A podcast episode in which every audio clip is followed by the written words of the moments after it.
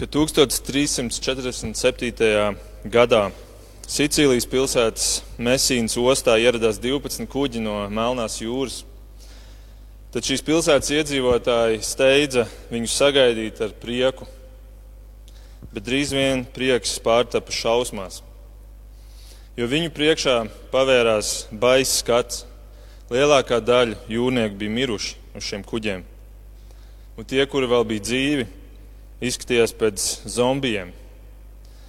Smagi slīmi noklāti melniem, asiņainiem, strūtainiem augoņiem. Augoņiem, kas pat bija ābola izmērā. Briesmīgs skats. Un drīz vienīgi saprata, ka šī slimība varētu būt ļoti lipīga. Tāpēc cilvēki sāka mukt prom, bet bija jau par vēlu. Melnā nāve. Melnā nāve bija jau klusām ielavījusies Mesīnas iedzīvotājos un ātri vien iekaroja visu Eiropu. Eiropā krita vismaz 25 miljoni cilvēku šī mēra skarti. Kādu risinājumu cilvēki atrada cīņai pret šo melno nāvu, pret šo mēri? Vienīgais ierocis, ko viņi atrada, bija distancēšanās, paslēpšanās. Kuģiem tika pavēlēts drīz vien, ka Tad, kad tu ierodies kādā ostā, tev ir vismaz 30 dienas jāpavada uz kuģa, pirms tu vari nokāpt, izkāpt krastā. Un šīs 30 dienas itāļi nosauc par Trentino. Un vēlāk viņi paaugstināja šīs 30 dienas uz 40 dienām un nosauca to par karantīnu. Karantīna patiesībā ir itāļu valodā um, apzīmējums 40 dienām. Mums jau varbūt mūsu 14 dienas, 14 dienas karantīnā liekas briesmīgi garas, bet varbūt tas palīdz mazliet, mazliet atvieglot, ka mēs zinām, ka oriģināli tās ir 40 dienas bijušas. Bet lūk, vienīgais risinājums, ko cilvēki spēja izdomāt, ir distancēties. Slimība bija neapturama, un vienīgais glābiņš bija paslēpties. Un šodien mēs ļoti labi zinām, ka mēs pielietojam šo pašu rīcību mūsu šodienas situācijā.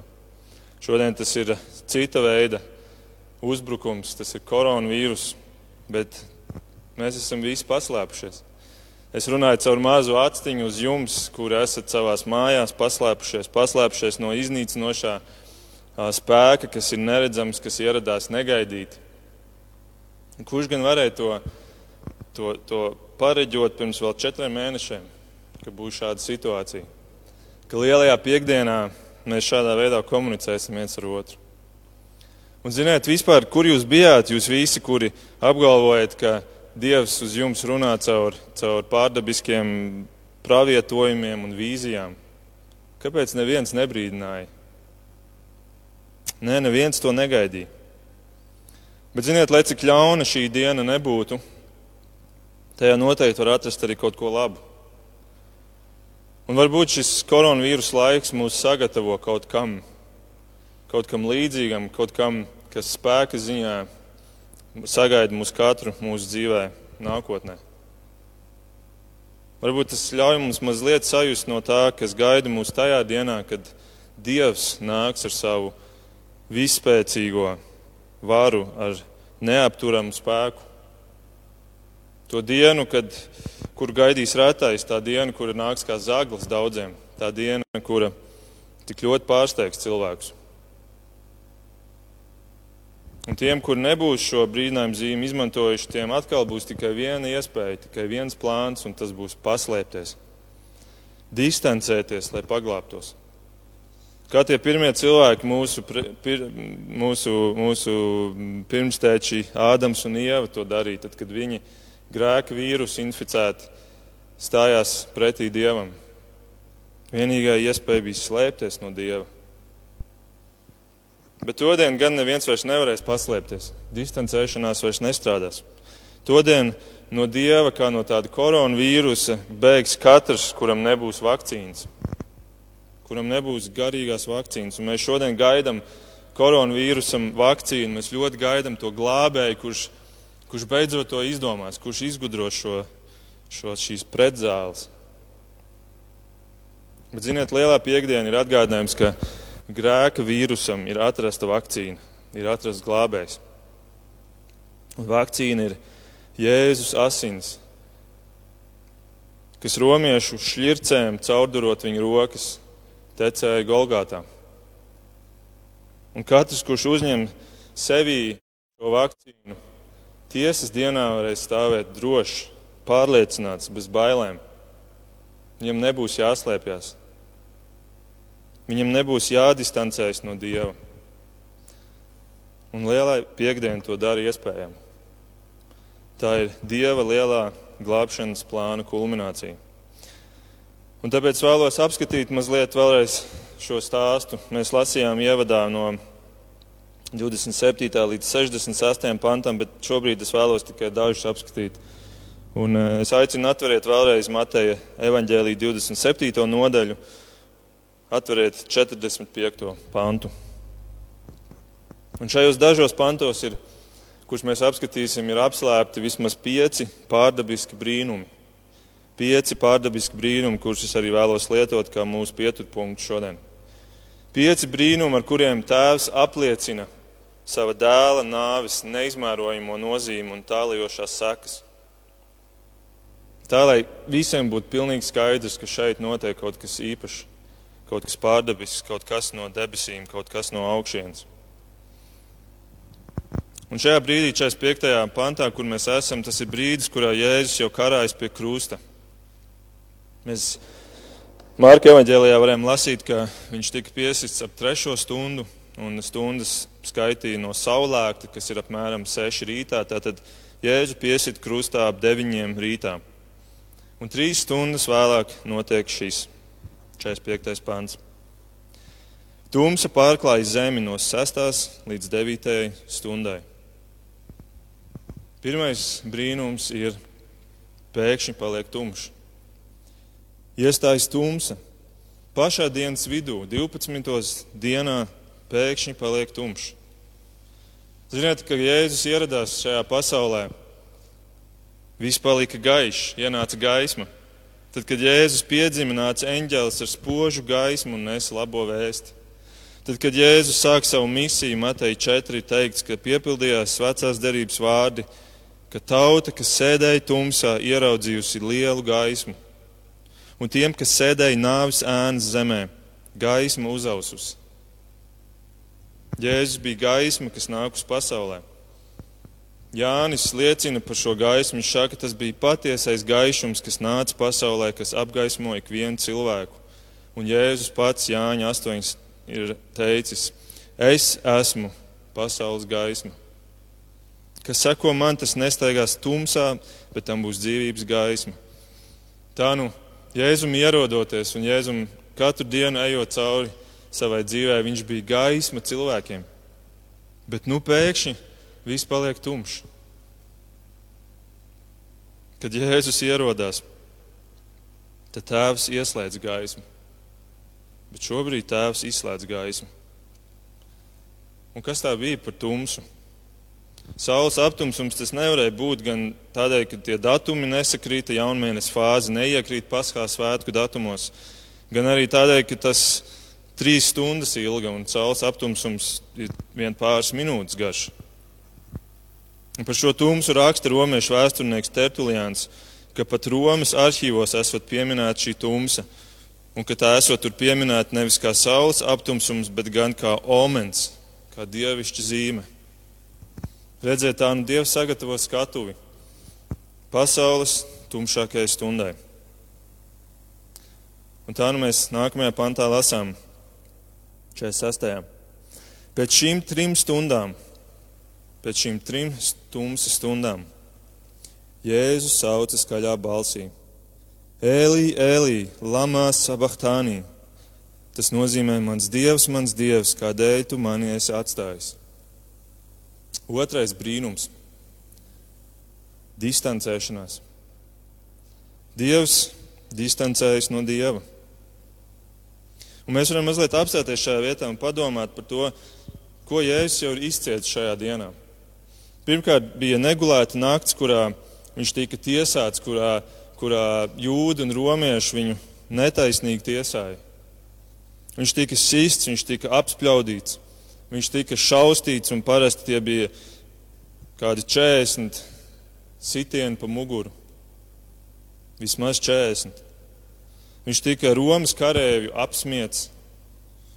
Viņš tika ērkšķiem sadurts. Viņam bija jāberzē raupjais krusta kroks pret savu brūcēm noklāto miesu.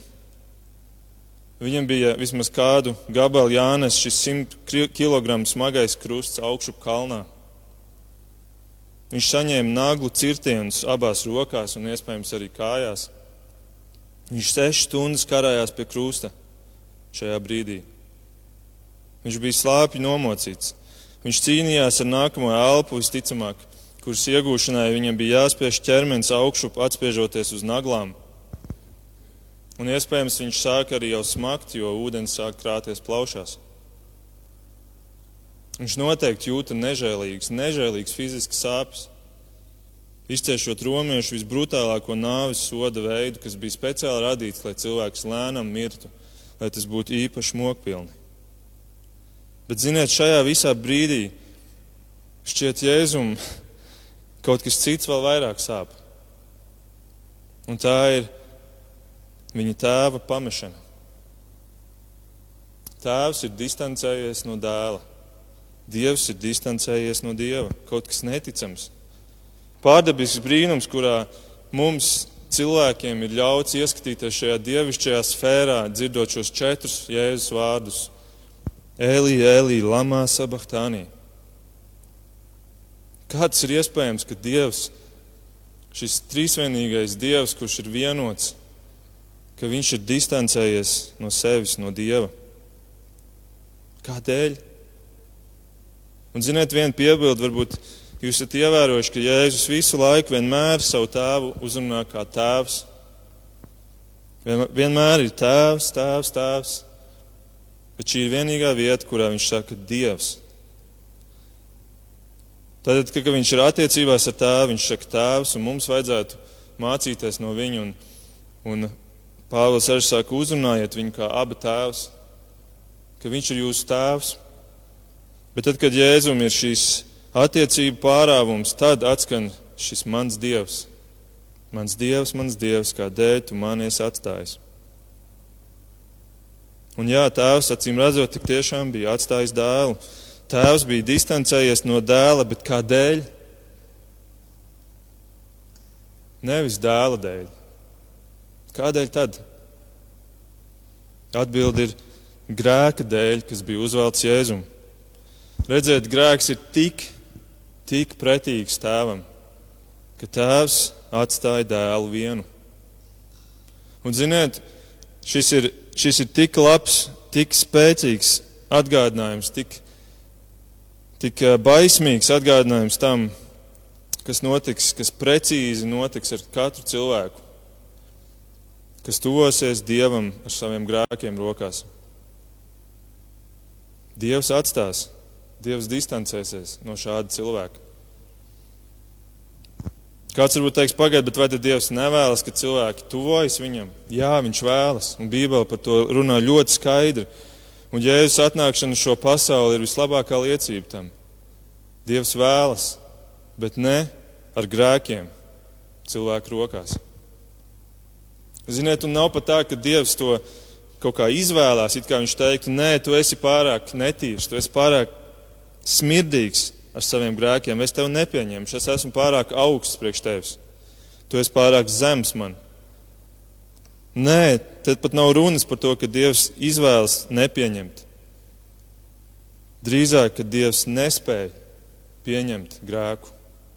Viņš nespēja pielaist grēku sev tūmā. Nevis, ka Dievs izvēlas nepieņemt grēku, bet Dievs nespēja. Un es apzinos, ka teikt par Dievu, ka Viņš kaut ko nespēja, ir diezgan, diezgan sirreāli. Taču arī Bībele saka, ka Dievs nespēja melot. Dievs nespēja nostāties pret sevi. Jo Viņš ir pilnīgi svēts, Viņš ir pilnīgi labs. Tādēļ nekas nesvēts, nekas ar vismazāko ļaunuma piedevu nespēja tuvoties Viņam bet viņš vēlas, ka cilvēki tuvojas. Un tādēļ Tēvs dod cilvēkam vienīgo risinājumu. Viņš uzveļ cilvēku grēkus uz savu dēlu. Un brīdī, kad to izdara, tad grēks ir tik spēcīgs, ka tēvs vairs nevar būt klāt. Wow! Wow! Uz ko grēks ir spējīgs? Lūk, šis ir patiesais vīrus, īstā melnā nāve. Un šis brīdis, kurā tēvs atstāja tevi pat visspēcīgākajam, vis, visu zinošajam Jēzum, kurš pats ir Dievs, ir baisa brīdis. Gaisma ir izslēgta, tumsa iestājusies, grēks, izmisums. Mans Dievs, mans Dievs, kādēļ tu mani esi atstājis? Protams, tēvs un dēls joprojām ir viens veselums. Tomēr mēs varbūt varētu teikt, viņi ir sociāli distancējušies. Mēs šo, šo frāzi ļoti labi zinām tagad? Ko nozīmē sociāli distancēties. Un tāpat kā mēs to darām šodien, gaidīdam, ka tas varbūt nesīs dziedināšanu. Arī Jēzus ir gatavs distancēties no tēva, lai nestu dziedināšanu cilvēkam. Un lai cik arī šis mērķis būtu cēls, tomēr šis ceļš ir tik brutāls. Elī, Elī, Lamā Sabahtānī. Ir baigi būt pēkšņi šķirtam no debesu tēva. Tas ir tikpat baigi, kā būs ellē, kurā cilvēks būs šķirts no debesu tēva. Un mēs neviens nevaram iztēloties to, tāpēc ka mēs nekad neesam bijuši šķirti no debesu tēva. Patiesībā visi cilvēki ir joprojām viņa klātbūtnē. Visi cilvēki, pat tie, kur netic dievam, saņem dieva vispārīgo žēlastību. Tā apklāj mūs katru dienu.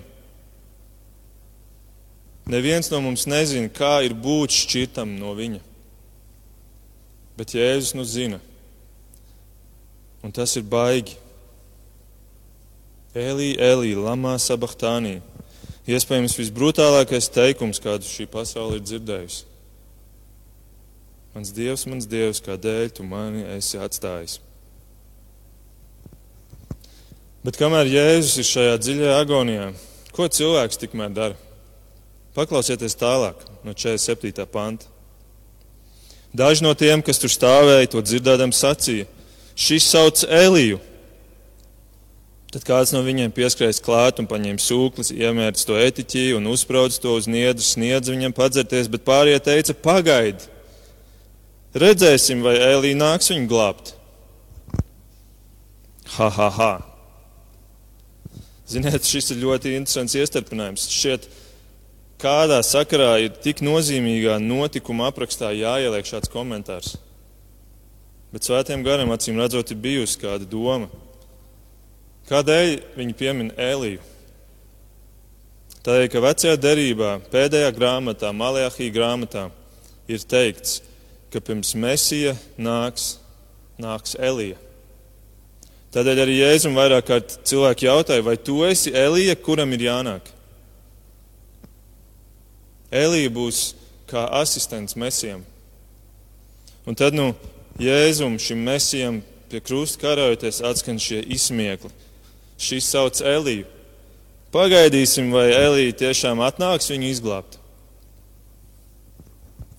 Un Jēzum tas nav nekas jauns. Jēzu visu dzīvi ir pavadījuši izsmiekli, ņirgas. Un pat pie krusta karājoties, tas turpinās.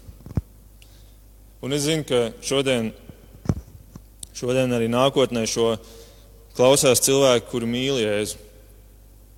Bet varbūt arī tu esi ieslēdzis netīšām un tavs attiecības ar Jēzu ir raksturojams kā ņirgāties par viņu, pasmieties par viņu. Tad zini, ka par tiem, kuri ieņirdz par viņu, turpat pie krusta viņš teica, Tēvs piedod viņiem, jo viņi nezina, ko viņi dara. Un tu droši vien nezini, ko tu dari bet zini to, ka tas ir piedodams. Tas tiešām ir piedodams, jo tas, kas notiek tālāk, ir arī par tevi. Klausies, 50. pāns. Tad Jēzus atkal iekļiedzās skaļā balsī un nomira. Dievs nomira, neticami. Dievs nomira. Divi vārdi, kas neiet kopā. Pārdabisks akts, brīnums numur trīs. Dievs nomira, nāve. Bet pirms viņš nomirst, viņš skaļi iekliedzas. Un Lūka 23 atklāja, ko tieši viņš kliedza. Tur teikts, Jēzus skaļā balsī iesaucās: Tēvs, es nododu savu garu tavās rokās. To pateicis, viņš nomira. Un Jāņa evanģēlijā 19. nodaļā ir pateikts, ka viņš vēl kaut ko piebilda. Viņš teica, viss piepildīts.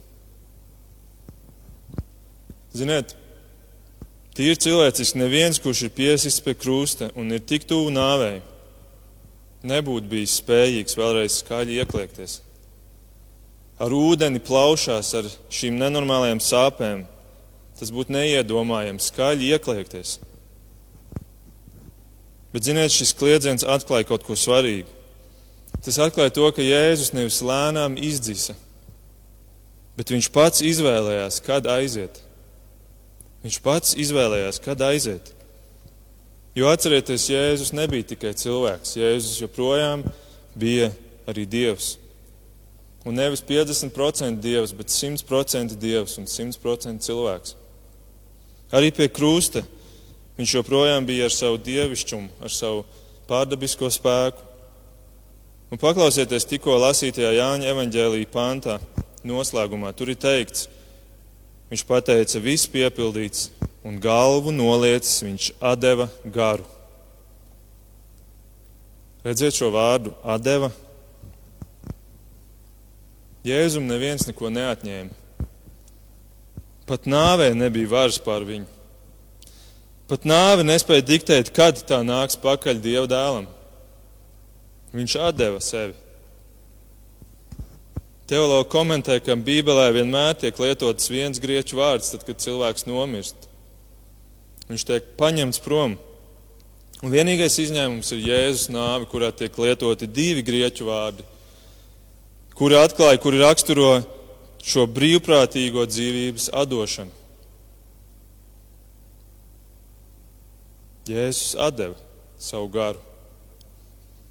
Un Jēzus nomirst neparasti ātri. Nereti krustā iztiek, karājās pie krusta un mocījās vairākas dienas. Tāpēc tas bija tas romiešu brutālākais nāvisots. Bet Jēzus nomirst sešu stundu laikā, kas ir tik ātri, ka Marka 15 ir rakstīts, Pilāts izbrīnījās, ka viņš jau ir miris.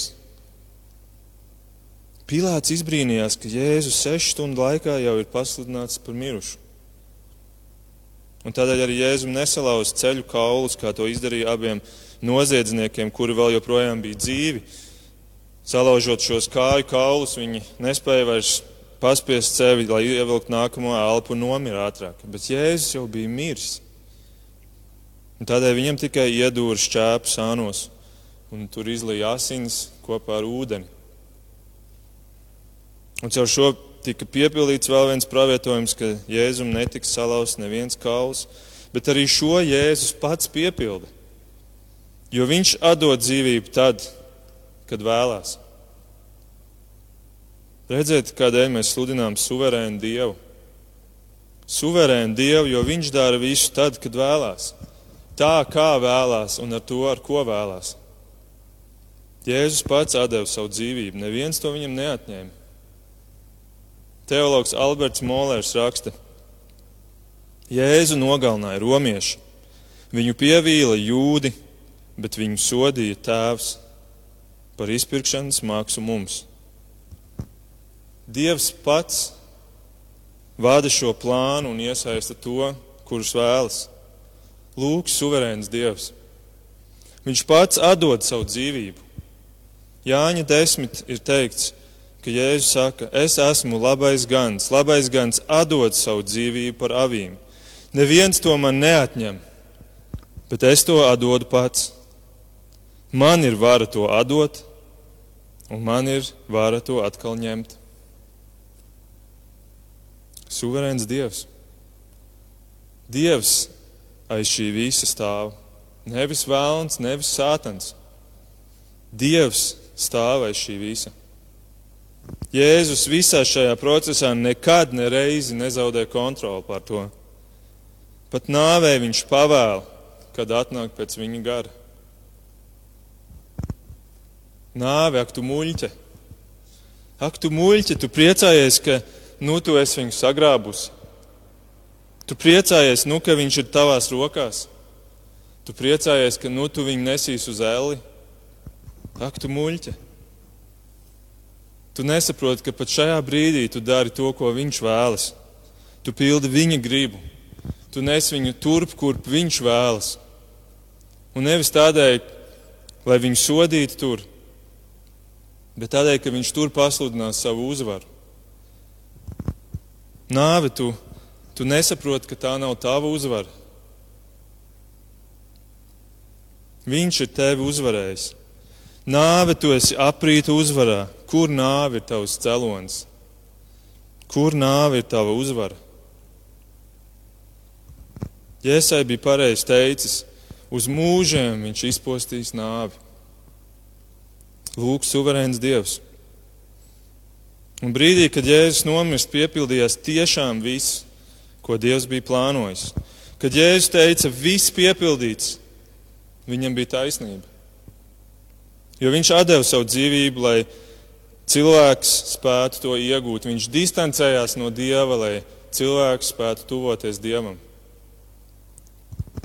Un tas tik tiešām piepildījās, kā apliecina nākamais brīnums. 51. pants. Un redzi, šis vārds redzi nozīmē skaties, kaut kas šokējošs, kaut kas ne, neparasts. Un redzi, tempļa priekškars tika pārplēsts divās daļās, no augšas līdz apakšai. Un zeme trīcēja un klinti sašķēlās. Pēc dieva distancēšanās un nāves brīnumiem nu ir ceturtais tuvošanās. Pēc tam, kad bija attālināšanās un Jēzus nomirst, tad notiek pretējais un atkal sākās tuvošanās. Bet šoreiz tuvošanās cilvēkam ar Dievu. Un tas notiek tik brīn, brīnišķīgā un tik pārdabiskā veidā. Tempļa priekškars pārplīst pušu. Tempļa centrā bija, bija ēka, jeb, jeb telpa liela, kur sauc par svēto vietu. Tajā bija atļauts ieiet tikai priesteriem. Un šajā telpā ar priekškaru bija nodalīta vēl viena telpa. Un tā bija vissvētākā vieta. Tajā drīkstēja ieiet tikai viens cilvēks un tikai vienu reizi gadā. Un tas bija augstais priesteris. Šajā telpā valdīja pilnīgi tumsa, viņš neredzēja, kurp viņš īsti iet. Un, un viņam uzdevums bija vienreiz gadā ienest un upurēt asins par savas tautas grēku piedošanu. Nevienam nebija pieejas dievam, jo neviens upurs nebija pietiekams, lai nomazgātu grēkus. Un kā jau mēs noskaidrojam, ar grēku ir neiespējami tuvoties dievam, bet nevienam nebija pieejas dievam, šis priekškars to ļoti skaidri parādīja. Neviens nevar tuvoties Dievam. Un kad Jēzus, šis īstais, šis derīgais Dieva upurjērs nomirst, Dievs pārplēš pušu šo priekškaru. Un pēc vīlēm varēja redzēt, ka tas ir pārplēsts no augšas līdz lejai. Tas ir tā, it kā Jēzus, kā īstais augstais priesteris, ir iegājis šajā visvētākajā telpā. Vienu par visām reizēm ir upurējis asinis un tad pārplēsis pušu šo priekškaru no augšas līdz lejai. Un ebrejiem četri teikts, mums ir varens augstais priesteris, kas ir nācis caur debesīm, Jēzus, Dieva dēls. Turēsimies pie ticības apliecinājuma. Mums augstais priesteris nav tāds, kas nevar līdzi just mūsu nespēkam. Viņš tāpat kā mēs esam, ir visādi kārdināts, bet viņš ir bez grēka. Tad nu ar drošu prātu tuvosimies žēlastības tronim, lai tiktu apžēlot un saņemtu žēlastību, kas nāk kā palīdzība īstā brīdī.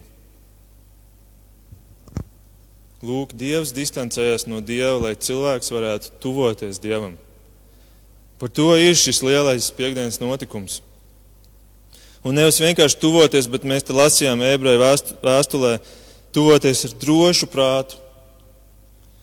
Ja mēs esam Jēzus asiņu vakcinēti, tad grēka vīrus, kas vienīgais spēja aizvest cilvēku uz elli, vairs neiedarbojas.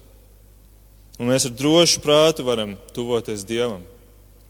Vairs nav jāslēpjas, vairs nav jādistancējas, mēs varam droši tuvoties. Un padomājiet šajā brīdī, kad Jēzus nomirst. Templī bija vislielākā aktivitāte, jo bija paskā svētki. Paskā svētki bija iespējams visvairāk apmeklētie svētki Izrēlā. Visa Jeruzālēm bija pilna ar svētceļotājiem. Un šajā brīdī, kad šī, šī telpa ir pilna ar priesteriem, šajā brīdī pēkšņi šis priekškarš pārplīst pušu. Un visu acu priekšā atklāja šī visvētākā vieta, kur neviens nekad nebija redzējis, izņemot augsto priesteri, un kura pat viņam bija slēpta tumsā. Wow, kas par šoku! Kas par šoku, kas par skatu, kas par spēcīgu liecību, ka ir pienācis jauns laikmets, jauna derība, jaunā derība. Ja tu saki, Bet, zini, Markus Jēzus bija jūts, un, un, un tas viss tik svešs man 20. gadsimta latvietim. Tas ir pirms 2000 gadiem, un tas ir cita kultūra un cita reliģija, jūdaisms. Tad, zini, nē, atbildi ir tā nav. Redzi, šodien Dievs apliecina, ka tas nav par jūdaismu. Dievs pārtrauc jūdaismu šajā brīdī. Dievs pārtrauc veco derību. Templim vairs nav nozīmes upurēšana tiek pārtraukta. Dievs ir par visām tautām, par visām rasēm, par visiem dzimumiem, par visiem cilvēkiem bez robežām. Tā ir jaunā derība. Un tas ir par tevi, mans draugs. Tas ir par tevi, un Dievs to šodien vēlās tik skaidri pateikt. Dievs pārplēš pūšu šo priekškaru kā simbolu, ka tu vari ienākt bet arī, ka Dievs vairs nemājo tikai šajā vietā. Tāpēc Jeruzālēmas templim vairs nav Dieva galvenais. Jeruzālēmas templis vairs nav Dieva galvenais mājoklis. Dievs no Jeruzālēmas tempļa noņēma šo sargājošo roku, un tāpēc arī pēc 40 gadiem atnāk romieši un iznīcina to, un Dievs to vairs nepasargā. Un šie romieši apzog visu, kas tur ir, un uzbūvē jaunu templi pagāniem kolizēju. Dievs vairs nesargā šo Jeruzalemes templi, bet viņš savu sargājošo roku tagad ir pārcēlis uz citu templi. Uz citu templi, kas ir jaunais templis. Templis, kuru Jēzus teica, es uzcelšu. Es uzcelšu. Un viņš to izdarīja, un mēs katrs esam daļa no šī tempļa, no šī Jēzus un Svētā gara tempļa. Un tagad Dievs ir uzlīdz savu sargājošo roku mums, kur esam daļa no šī tempļa. Redziet, kāda nozīme ir šim, šim Jēzus nāves solim. Redziet, ko nozīmē ticība Jēzum. Tā nav tikai tāda intelektuāla ticēšana kaut kādam vēsturiskam Jēzum, tas ir reāls spēks. Tas ir reāls asins, tas ir reāla samaksa. Un tā ir reāla jauna dzīvība. Un kas par dzīvību? Paskatieties vēl pēdējo brīnumu no 52. panta. Kapi tika atdarīti, un daudz svēto miesas, kas dusēja, augšām celtas. Tie izgāja no kapiem pēc viņa augšām celšanās, nāca svētajā pilsētā, un daudziem parādījās. Piektais brīnums - pārdabiska dzīvība. Un šo komentēt ir, ir nereāli. Es nezinu, ko teikt. Acīm redzot, Dievs vēlējās, lai ir pavisam, pavisam skaidrs, par ko tieši šis Jēzus Kristus, šis nācerietis ir miris. Jo pēkšņi miruši cilvēki pieceļas no kapiem. Zemestrīces rezultātā kapa atvērs, bet no tiem neizripo skeleti, no tiem neizripo kauli, no tiem iznāk dzīvi cilvēki. Un tas ir kā ieskats nākotnē, kas notiks ar katru, kurš ir dzīvojis un miris ticībā uz Jēzu. Un tas nekas, ka viņi bija dzīvojuši vecajā derībā. Jo Jēzus nāves spēks ir tik varens, ka tas skar pat pagātnē mirušos. Tas ir spilgts simbols, ka Jēzus nāve plūst uz visām pusēm, uz pagātni, uz nākotni, pāri visām robežām. Redzēt, cik efektīva ir šī vakcīna pret šo grēku vīrusu. Kas par brīnumiem, kas par notikumiem? Pārdabiska tumsa, dieva distancēšanās no dieva, dieva nāve, dieva tuvošanās cilvēkam un pārdabiska dzīvība. Tagad tu šo visu dzirdi. Kāda ir tava reakcija uz šo? Es jums varu parādīt vienu reakciju, kāda bija tiem, kuri bija klāt. Pēdējais pāns, 54. Bet centurions un tie, kas kopā ar viņu sargāja Jēzu, redzēdams zemestrīci un visu, kas notiek, ļoti sabijās un teica: Patiesi, šis bija Dieva dēls. Patiesi, šis bija Dieva dēls. Vai tu arī sabijies šo dzirdot?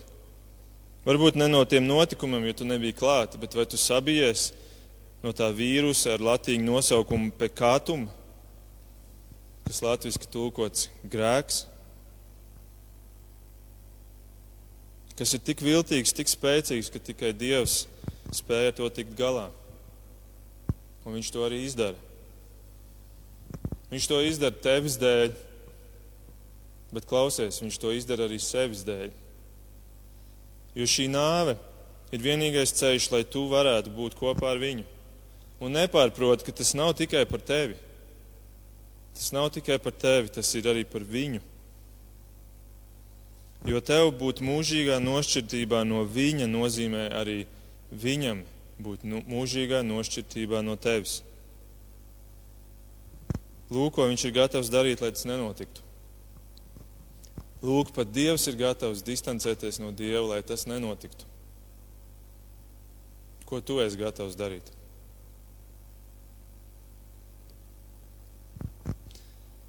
Lūksim Dievu.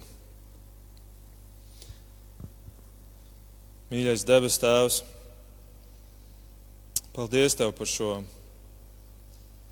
šo varano, prātam grūti aptveramo stāstu, kurā Tu esi devis risinājumu, lai mēs varētu nonākt tur, kur mēs neviens neesam pelnījuši būt un ar savu spēku nekad nebūtu spējīgi aizsniegt. Būt kopā ar tevi, būt sadraudzībā ar tevi, pazīt tevi, tuvoties tev.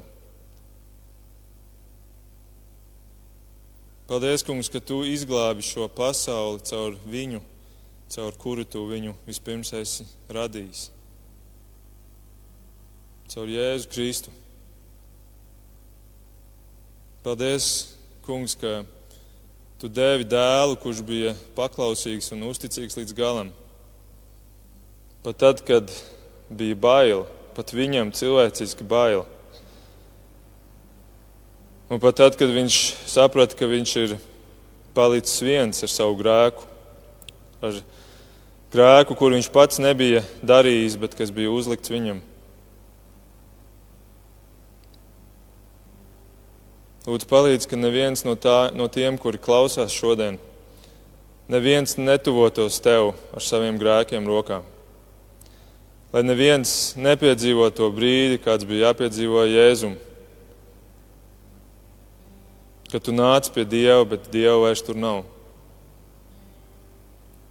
Un tas ir grēka dēļ. Katrs cilvēks ir tik dārgs, radīts pēc Dieva tēla un līdzības tik dārgs un Dievs vēlas, ka cilvēki ir kopā ar viņu, bet šis grēks šķir cilvēku no Dieva. Un lūdzu, kungs, dod, ka šis koronavīrus laiks, kurš nes tik daudz posta, ka tas tomēr varētu nest šo vienu, vismaz šo vienu svētību. Ka tas būtu kā simbols tam vīrusam, kurš var izdarīt vēl daudz lielāku postu. Lūdzu, uzrunā cilvēkus, kur arī joprojām varbūt tikai smējās par tevi, Jēzu. Bet paldies, ka tu esi pazemīgs, ka tu esi tāds, kurš mīl līdz galam un kurš ir gatavs gaidīt. tā kā gaidīja to noziedznieku pie krusta, gaidīt uz katru, kurš, kurš varbūt vēl beigās tomēr ir gatavs mainīt un atzīt, atzīt tevi, kungs, atzīt tevi kā dievu dēlu. Lūdzu, dod, ka šajās dienās, lielajā piekdienā, klusajā sestdienā un lieldienās, ka, ka cilvēki varētu tiešām aizdomāties par to. To mēs lūdzam arī kā draudzene par mūsu sabiedrību, par mūsu pilsētu, kurā mēs esam. Lūdzu, darbojies, Tu, Kungs. To mēs lūdzam Jēzus vārdā. Āmen!